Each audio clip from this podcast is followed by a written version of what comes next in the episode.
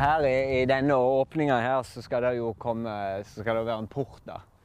Sånn at jeg kan komme inn og ut her med traktoren når jeg har transporthengeren med og sånn nå når jeg flytter grisene. Um, så her strammer jeg opp toppen òg, og så knytter av dette her og setter det fast. Og så tar jeg denne beden og så gjør det siste biten. Og så lager vi denne porten på et senere tidspunkt.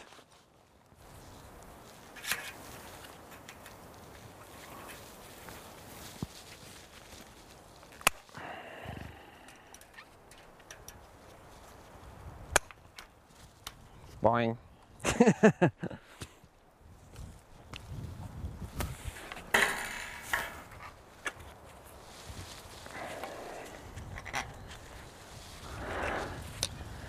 Sånn.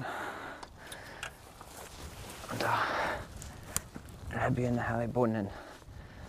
For nå vil jeg prøve å Se her har jeg spigra fast bunnen. Den har jeg stramma opp med den jekkestroppa først. Så jeg spigra den fast sånn at jeg har den knuten, kan du si, midt på stolpen. Så jeg må prøve å klare å få dratt resten. Da får jeg det helt stramt og fint. Men eh, ja. Jeg tar det jeg klarer, og det som ikke jeg klarer å få til, det klarer jeg ikke. Så godt som, så stramt som jeg klarer. Det er det jeg kan håpe på. Så i løpet av mai måned så håper jeg å være klar til å kunne flytte. Men det, det er mye småting, og så dukker det opp andre ting som må gjøres. Og så skal en jo jobbe, og så skal en ha tid til familien og det ene og det andre. Så det at eh, En må bare ta det litt som det kommer, og håpe en rekker alt. Og det gjør en jo som regel. Hvis bare en Men å sette sånn faste deadliner det er ikke alltid like enkelt å få til. Når det, når det er mye og en skal gjøre alt alene. Sånn. Da tror jeg må finne noe ståltråd. Noe vanlig, vanlig tynnere ståltråd. Der ligger noe løst der borte. Så skal jeg begynne å knytte opp og stramme oppover og knytte det opp i den topptråden der. Nå har jeg jo eh, I det siste så har jeg gått og tenkt veldig mye og sett på den utviklinga som har vært nå, med hvor ting blir plassert hen, og prøver hele tida å tenke framover, sånn at jeg har et system som jeg følger, og har et mål. Og nå har jeg kommet til det punktet hvor jeg jeg har vært ute og tatt en del mål. Og skal rett og slett sette meg ned og så lage en skikkelig tegning. Og med en sånn 3D-visning av hvordan jeg vil at gården skal bli til slutt.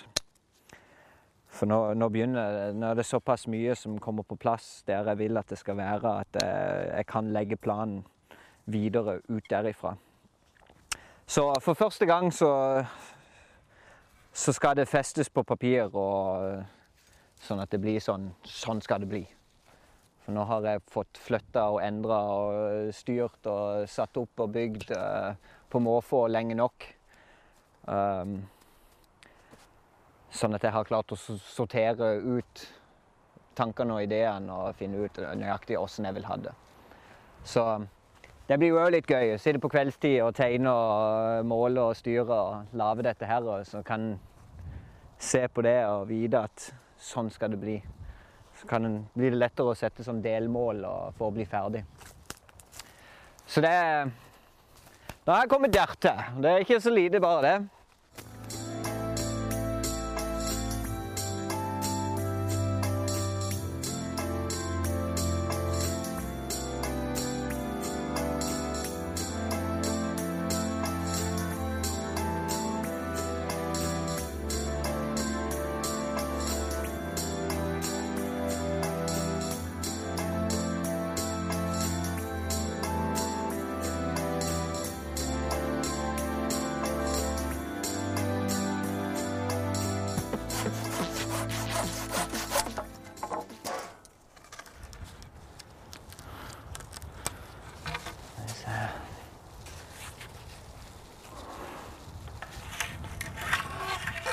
Dette, denne teknikken har jeg sett på Hvis du ser på alle disse her eh, programmene fra eh, disse viltreservatene i, i, Afrika, så setter de opp alle gjerdene sånn, har jeg sett. Med bare lag på lag med forskjellige gjerder. Og så har de noen få stolper som er godt ankra, og så har de bare tredd inn pinner, rett og slett.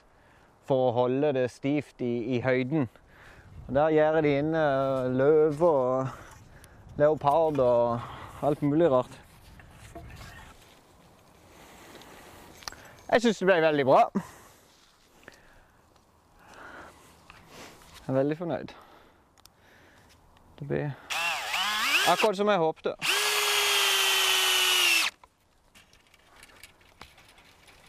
Det blir helt toppers.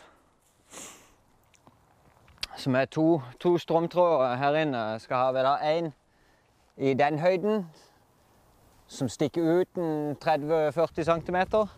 Og det er jo fordi at grisene de går jo med, med trynet og så graver opp. Og de vil jo grave sånn så nærme gjerdet de kommer. Hvis du har tråden helt inntil gjerdet, helt på stolpene, så kan de grave helt hertil. Og da graver de opp masse tråd, og så bygger det seg opp her. Eller masse jord. Så bygger de seg opp, og så dekker de strømtråden til slutt så, så, så, slår den i jord der, og så må du gå inn hele tida. Jeg har prøvd dette, nå er det erfaring som snakker her.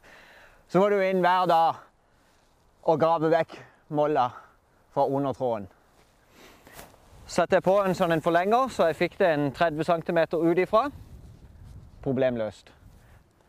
Så kommer den tråden. Og det er bare sånn at hvis de skulle være ekstra nysgjerrige og gå helt fram til gjerdet for da går jo hodet over den tråden her, og så kan de få seg en støyt her òg. Og så skjønner de i hvert fall at OK, gjerdet, den kødder vi ikke med. Vi bare holder oss unna den. Så er det aller aktuelt at de vil prøve seg en gang. For jeg vet ikke åssen altså det kunne være de ikke kunne finne ut av at OK, der er ikke strøm i det gjerdet. OK, vil vi ut, så er det bare å ta løpefart og så hoppe inn mot gjerdet. Så legger vi bare alt flatt, og så er det greit. Får de en smell her oppe på et tidspunkt, så holder de seg unna.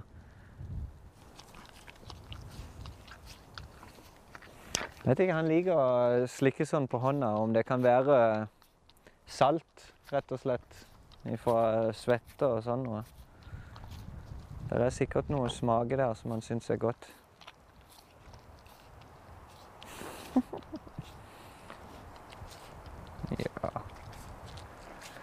Men Kari driver og tviholder på denne kalven, men som sagt, jeg aner jo ikke når den egentlig skal komme. Men uh, jeg går og sjekker henne daglig, gjerne flere ganger til dagen.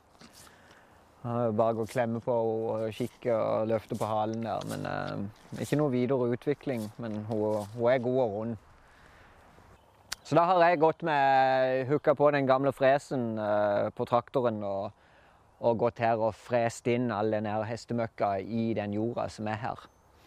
Så eh, rundt 1. mai, uh, så om et par uker Så 1. mai, da heter det seg, det er liksom dagen uh, for å sette poteter. Uh, 1. mai før, det var vel ja, i hvert fall sånn som min mor husker det. det var 1. mai da var det, ikke, det var ikke en fridag, det var en arbeidsdag. Skole var fri da i forhold, for da var de ute i ågeren og satt poteter hele dagen 1. mai. Det var det de gjorde 1. mai. Når alle var hjemme og alle kunne trø til å arbeide på gården, så var det å sette poteter.